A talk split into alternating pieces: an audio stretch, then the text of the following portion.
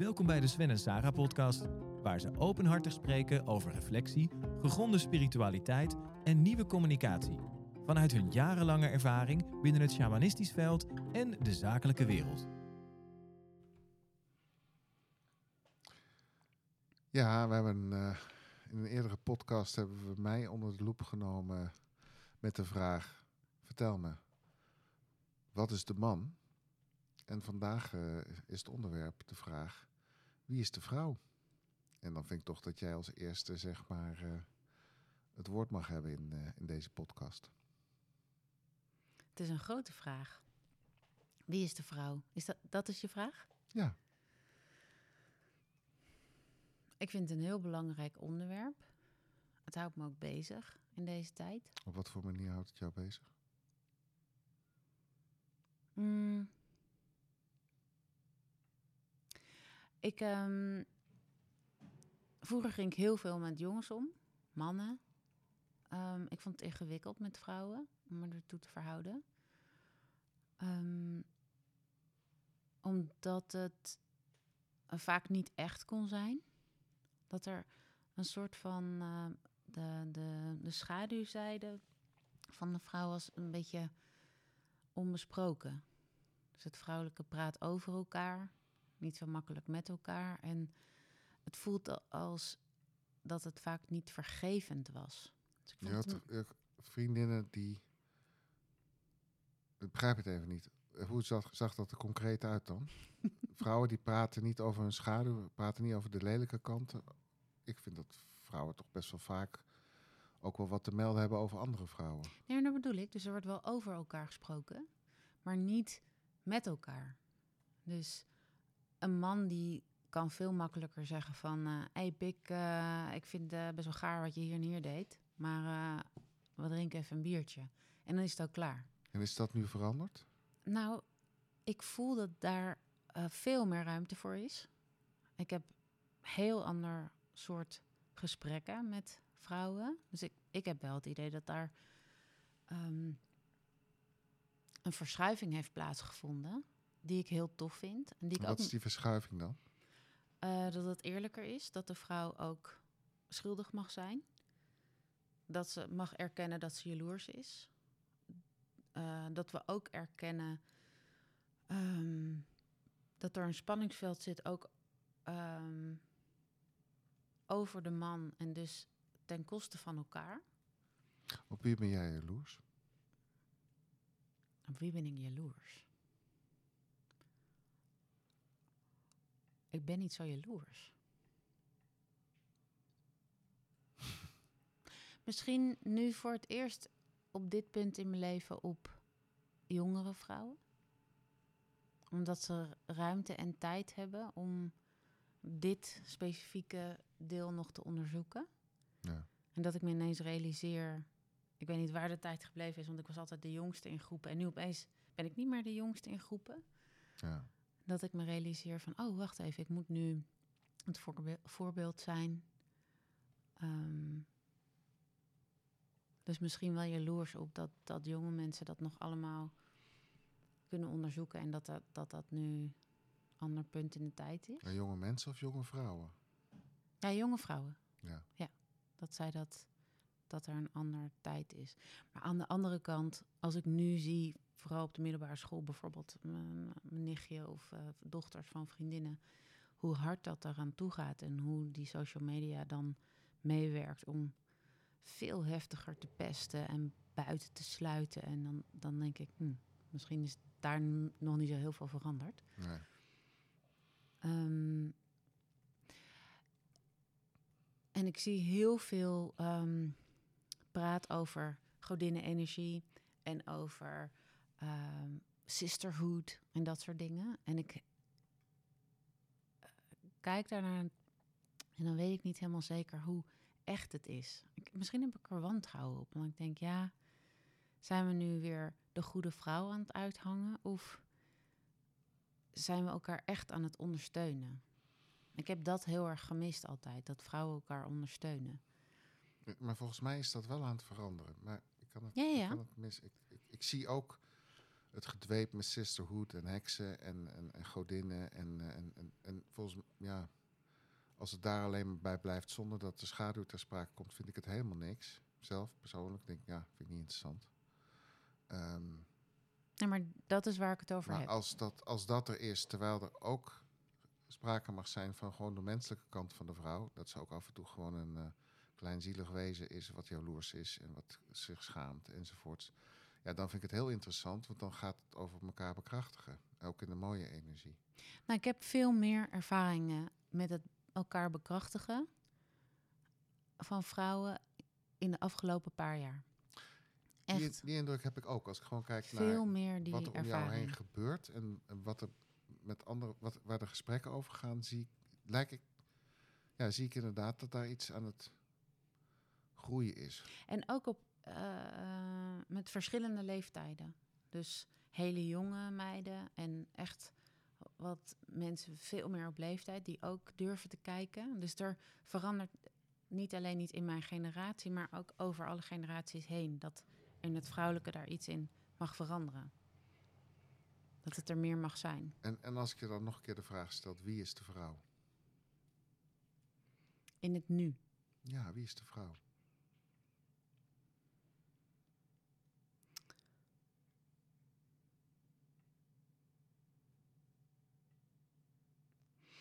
Nou, een wezen wat veel meer ruimte in mag nemen. Wat de gevoeligheid op de agenda zet. Niet, niet eh, slachtofferig, maar gewoon gevoeligheid en eh, zachtaardigheid. En de vertraging. Dat, dat, er veel meer, dat er veel meer ruimte voor is, dat dat er mag zijn. Vertraging? Kun je dat uitleggen? Nou deze wereld gaat over snelheid en gaan. En dat koppel ik heel erg aan het mannelijke. We moeten dit presteren, we moeten dat doen, we moeten zus doen. Dus het wordt nu gepermitteerd dat je iets meer vertraagt, waardoor er andere dingen kunnen gebeuren. Waardoor er dingen kunnen ontstaan. Ik denk dat dat de vrouwelijke bedding is, of de vrouwelijke schoot, waarbinnen iets mag ontstaan, waar, waarbinnen je tijd mag nemen om te rusten, zodat je gevoelig met jezelf om kan gaan. Dat je kan voelen van, wacht even, wil ik dit? Is het handig? En niet alleen maar vanuit verstand of vanuit een hoger perspectief, maar vanuit een verdiept perspectief, wat veel vrouwelijker is. Doordat jij dit net zegt, krijg ik ineens een soort van gevoel, in ieder geval voor mij, waar, waar, waar voor mij een verschil zit tussen de mannelijke energie en de vrouwelijke energie. Dus de, de, en voor mij heeft de vrouw heel veel te maken, maar correct me if I'm wrong, met eh, vertrouwen. Ja. Het vertragen heeft heel veel te maken met vertrouwen. En het mannelijke lijkt minder te vertrouwen. Ja. En meer... eh, meer in controle te in- willen ja, houden. meer in controle te willen houden. en Meer op zichzelf te willen eh, koersen. En, en als ik het nou maar zelf in de hand heb, dan, dan, dan, dan, is, het, dan is het leven te vertrouwen. Het vrouwelijke lijkt veel meer... Ja, het is misschien toch ook wat verschil tussen... Ja, die kracht in ons die gewoon met de natuur verbonden is. Van ja, weet je, alles is zoals het altijd was. Het is gewoon oké.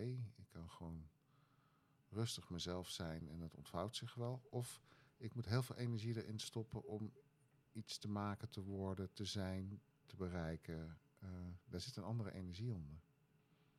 Ja. Of is de vrouw nog veel dieper dan dat? Nou ja, als je, het, als je het dieper trekt dan dat, wat jij net benoemt, dan kom je bij de magie van het leven. Echt zo diep te vertrouwen dat, dat je verrast wordt door de magie van het leven. En dat je niet magie creëert, maar dat je vertrouwt erop dat het precies zo gaat zoals het moet gaan. En dat dat magie kan zijn Ja, maar dan ken ik de vrouw heel goed. in jezelf. Maar dan hebben we het over de feminine kracht en niet over de vrouw. Ja, en ik heb het gevoel dat, dat die kracht ken ik heel goed. Maar ik heb het gevoel dat er nog iets veel diepers ligt te wachten op ons. Wat, wat daaraan voorbij gaat. Dus vertrouwen op het leven en, en, en hoe het zich ontvouwt. Ja. Maar is er niet nog iets... Vragen wie is de vrouw? Of, of- Ik denk dat het inderdaad ehm occult is. occult betekent verborgen. Ik denk dat het inderdaad de magier is. Ja. Dus groter dan we ons kunnen voorstellen. Ik denk dat het inderdaad de meest intense vorm van intimiteit of seksualiteit is die er is. En dat dat, dat ook de, de angst is van het mannelijke of het geheel of op die, de vrouw. En dat ze daarmee haar ook occult hebben gemaakt. En dat het vrouwelijke bang is voor die immense kracht die ze in zich heeft, die in haar huis, die eruit wil omdat het zo verkeerd wordt verstaan ook. Omdat het zo platgeslagen wordt. Als, als het gaat over seksualiteit, dan, dan zou de heks ons de baas zijn met haar seksualiteit en ons, van ons krijgen wat ze wil. Terwijl, waarom is het iets negatiefs? Misschien is het wel um, heel liefdevol en heel intiem en heel kwetsbaar. M maar het wordt zo um, gekoppeld aan. Ja, het gevaarlijke. Maar het, er is heel voor veel mij angst. voelt het ook gevaarlijk. Als je het zo vertelt, dan denk ik, het is misschien ook die kwetsbaarheid. En hebben het wel eens gehad, ook in ceremonies, dat we met een groep in een gebied kwamen, ik weet niet of ik kan herinneren, Mhm.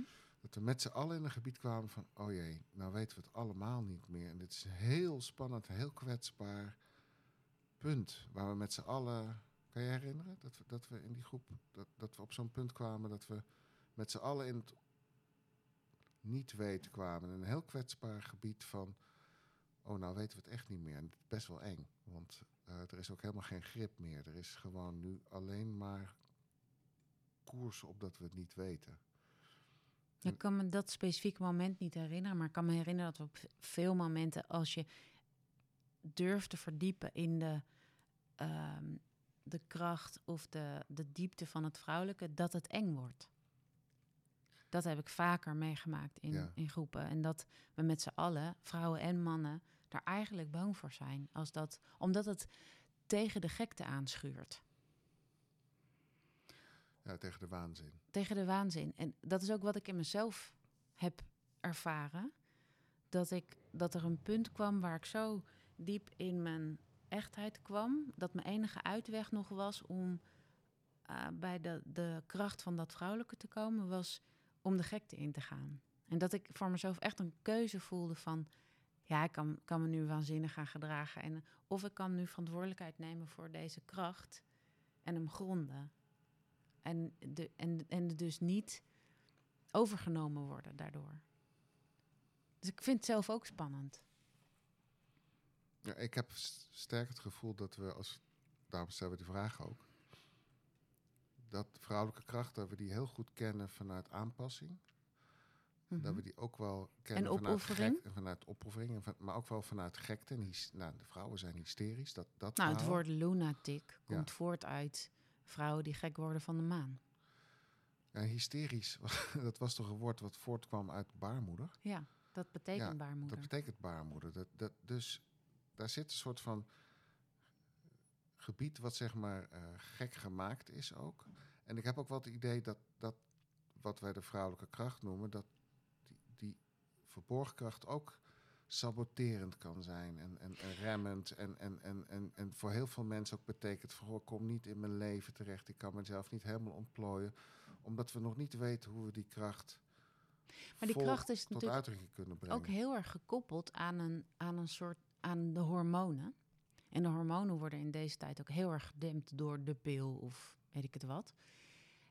Die hormonen die hebben mannen niet. Die, die de, de, uh, hormonen, de, wat een vrouw in één dag meemaakt aan hormonen, dat heeft een man volgens mij in, in een heel leven. Ja. Die schommeling.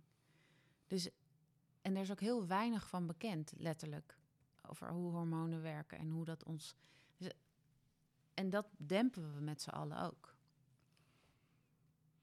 De overgang moet worden gedempt. We spreken nou? er niet over. Nou, ik, ik, ik, heb het gewoon over de vrouw en dat er dus letterlijk lichamelijk ook. Het lijkt wel alsof ze gestuurd wordt door. Want het, hormonen zijn ook gekoppeld aan emoties. Uh, want ze noemen de vrouw hysterisch omdat ze emotioneel wordt net voordat ze in, in haar cyclus iets gaat loslaten. dan is ze prikkelbaar. Dan is ze, daar, daar komt het van, vandaan dat ze haar hysterisch vinden. De, de cyclus is vaak gekoppeld aan, ehm, aan de maanstanden. Dus als je, als je met volle maan gaat loslaten in je cyclus, dan ben je hysterisch, dan ben je emotioneel en dan ben je wat heftiger en dan spelen ook de hormonen op. Dus daar is ook een heel ander systeem gaande in de vrouw dan bij een man. Een man is veel is stabieler. Ik vind het wel interessant dat we nou een heel gesprek hebben over de vrouw. Een soort van verkenning en onderzoek. En eigenlijk het meest kenmerkende van de vrouw, namelijk dat zij het enige wezen is. En dan kan je nog zo eh, gender eh, en woke en weet ik veel wat zijn, maar zij is het enige wezen wat geboorte kan geven. En dat Ja. is natuurlijk, als je het nou hebt over het grote mysterie, dan is het natuurlijk het meest waanzinnige mysterie. Dat, dat in een mens een ander mens kan groeien. En dat, nou, dat, dat. Wie is de vrouw? Heeft wel heel veel te maken met De moeder. zwangerschap en de moeder en kunnen dragen. En dat, daar ligt volgens mij. Nou ja, als je het hebt over scheppen en vertragen, er is de, de, de grootste schepping is het, is, het, is het maken van een kind. En dat, dat die groeit in je buik. En dat is iets waarvoor je moet vertragen. Er is niks in een zwangerschap wat erbij geholpen is als jij heel fanatiek keihard gaat werken. Of er gaat helpen. Of het groeiproces gaat ondersteunen. Het enige wat daarbij helpt is vertragen. Rustig aandoen. Goed voor jezelf zorgen. Mhm. Ik ga nog een keer die vraag stellen: Wie is de vrouw?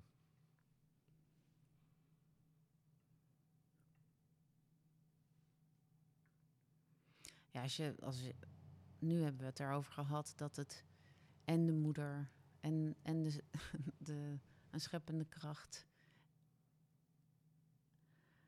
en iets magisch.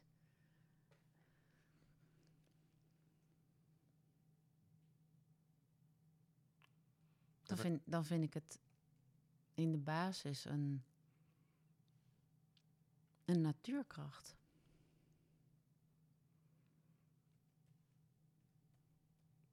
Want we beginnen steeds meer te vermoeden ook misschien, want dat wij wat doen. Wij zeggen steeds van, eh, nou, we weten niet wie de vrouw is.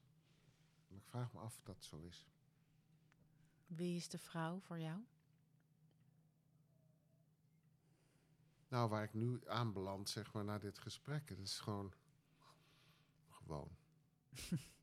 nee, dat is niet gewoon. Dat is het wonder van de natuur en van de geboorte. Steeds weer opnieuw geboren worden van ieder moment, van ieder eh, wezen. De geboortekracht die eh, in ieder mens is, dus ook in een man. Ik kan ook een idee geboorte geven en ik kan van, al, ik kan van alles geboren laten worden, dus vanuit mijn vrouwelijke kracht. Mhm. En in vrouwen specifiek is dat, is dat natuurlijk de, het wonder. Het wonder van de natuur, van het leven. Ja. Dat is de natuurkracht en die is ook wel om voor te buigen. Ja, en die is hartstikke mystiek. Ja, ik bedoel, dat is zo on- oneindig diep, daar kan ik niet eens woorden aan geven. Nou, een kind baren is wel het meest magische wat ik ooit heb meegemaakt. En dat bedoel ik niet alleen maar in, met een mooie, in de mooie zin. Het was echt natuurgeweld. Ja, daar ben ik ook altijd een beetje bevreemd als mensen het hebben over, als, het, als het over het vrouwelijk hebben, dat mensen dan denken dat we het over soft en eh, zacht en, en alleen maar die kant hebben. Terwijl, ja, geboorte is echt holy moly. Dat is Wat een kracht is Ja. dat. Ja, dat is ook wel een, een soort van oerkracht die ik wel, als ik heel eerlijk ben, in de aangepaste vrouw in deze cultuur heel erg mis. Want ik denk dat als die kracht ingezet wordt om even korte metten te maken met allerlei onzin, dan zijn we binnen twee weken van een heleboel bullshit af. Maar kennelijk is dat een soort van taboe om dat te benutten of in te zetten? Of, eh, of is het misschien ja, gebied waar je niet wil komen. Maar ik, ik zit er nu naar het kijken en denk, ja, dat is natuurlijk gewoon de, de oerkracht. Ik weet dat ze in de Tao, ja, dat de zwaardvechters, zeg maar, dat de meeste mannen tegen de vrouwen afleggen omdat die die oerkracht eh, inzetten. En die kunnen alleen Ja, maar het is buigen. grappig dat je dit nu zegt, want het is inderdaad niet iets wat je gebruikt in je werk om eens even te zuchten, ergens doorheen te gaan en het heel lichamelijk te maken en dan daar iets over te zeggen en die force te gebruiken om dat te doen. Mannen mogen wel best wel boos worden in hun werk. Ik voel me als vrouw dat ik me niet boos mag maken of emotie ergens achter mag zetten, want dan ben je Maar dan een heel directe vraag. eh, Dan even in dit kader. Hou jij Mhm. die kracht in? Ik heb werk gehad waar ik die kracht niet in hoefde te houden. Het paste heel goed in ceremoniële werk. Ik heb mijn oerkracht volledig mogen inzetten. Ik ben ook heel erg van waarachtigheid. Ik heb wel situaties in mijn leven waar ik het niet inzet. Bijvoorbeeld bij mijn eerste bevalling. Ik heb mijn eerste bevalling op een mannelijke manier gedaan. Ik ging in ieder geval niet toegeven dat ik ergens last van had. Dat heeft me bijna mijn mijn leven gekost. Dus jij zegt nu, jij zegt nu eventjes los van de Ik heb me veel ingehouden, ja, zeker. Maar ik heb na mijn eerste bevalling besloten dat niet meer te doen. Dat heeft, dat heeft mijn be- bevalling voor mij. Maar ik was wel op het randje van de dood in die bevalling. Maar ik ben die bevalling gaan doen. Dan vroegen mensen mij, gaat het wel? En dan zei ik, ja, ja. Maar het was natuurlijk de hel. Maar ik ging absoluut dat op een mannelijke manier doen. Maar heb jij het gevoel dat je je volle vrouwelijke potentieel inzet? Nu, Ja, ja. oké. Nou, dat, ik bedoel, ik vind het genoeg potentieel hoor. Ik zat even te zoeken van, is er nog geboortekracht, zeg, want daar hadden we het over, die misschien niet ingezet mag worden. Ik weet het, als man weet ik dat echt niet, of dat zo is of niet. Ik weet heel even niet wat je bedoelt. Nou, we hadden het over de kracht van de geboorte. En, de- en ik, ik zei van, nou, ik mis die, die kracht vaak in vrouwen. Ik denk, goh, dat, die Ja, ken... v- Mis jij dat in mij? Nee, ik vraag het me af of je, het- of je het vol, vol durft in te zetten. Of dat je misschien een heel deel achterhoudt, omdat je denkt, ja, boe, dat is te veel. Ik hou het misschien wel af en toe in eh, om ehm, te voorkomen dat, het, dat er ruzie ontstaat. Omdat het dan nog meer. Dat ik, ik maak soms een keuze om te pick my battles. En dan zet ik hem niet in. Terwijl ik eigenlijk ergens vol in zou kunnen gaan en, en echt dat zou kunnen tonen. Maar dan vind ik het niet.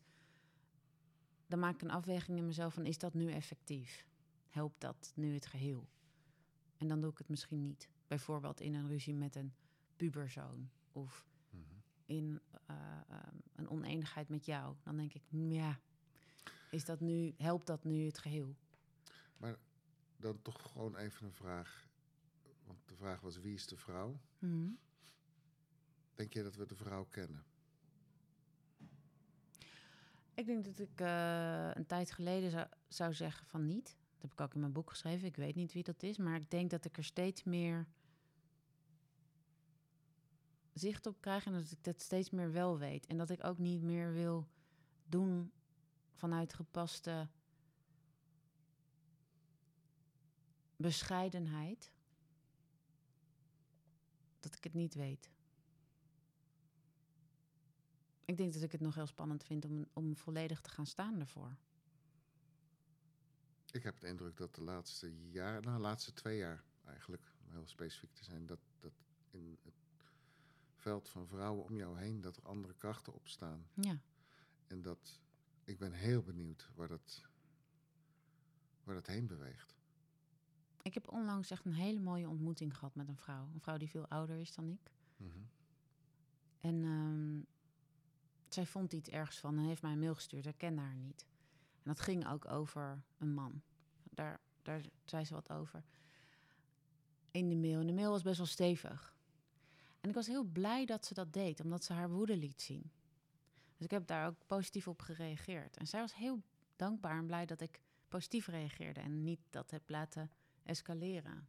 En daar kwam iets heel moois uit voort, namelijk dat we elkaar in een creatief proces, en een soort schrijfproces, en we waren wat dingen aan het delen over kunst en over schrijven en over.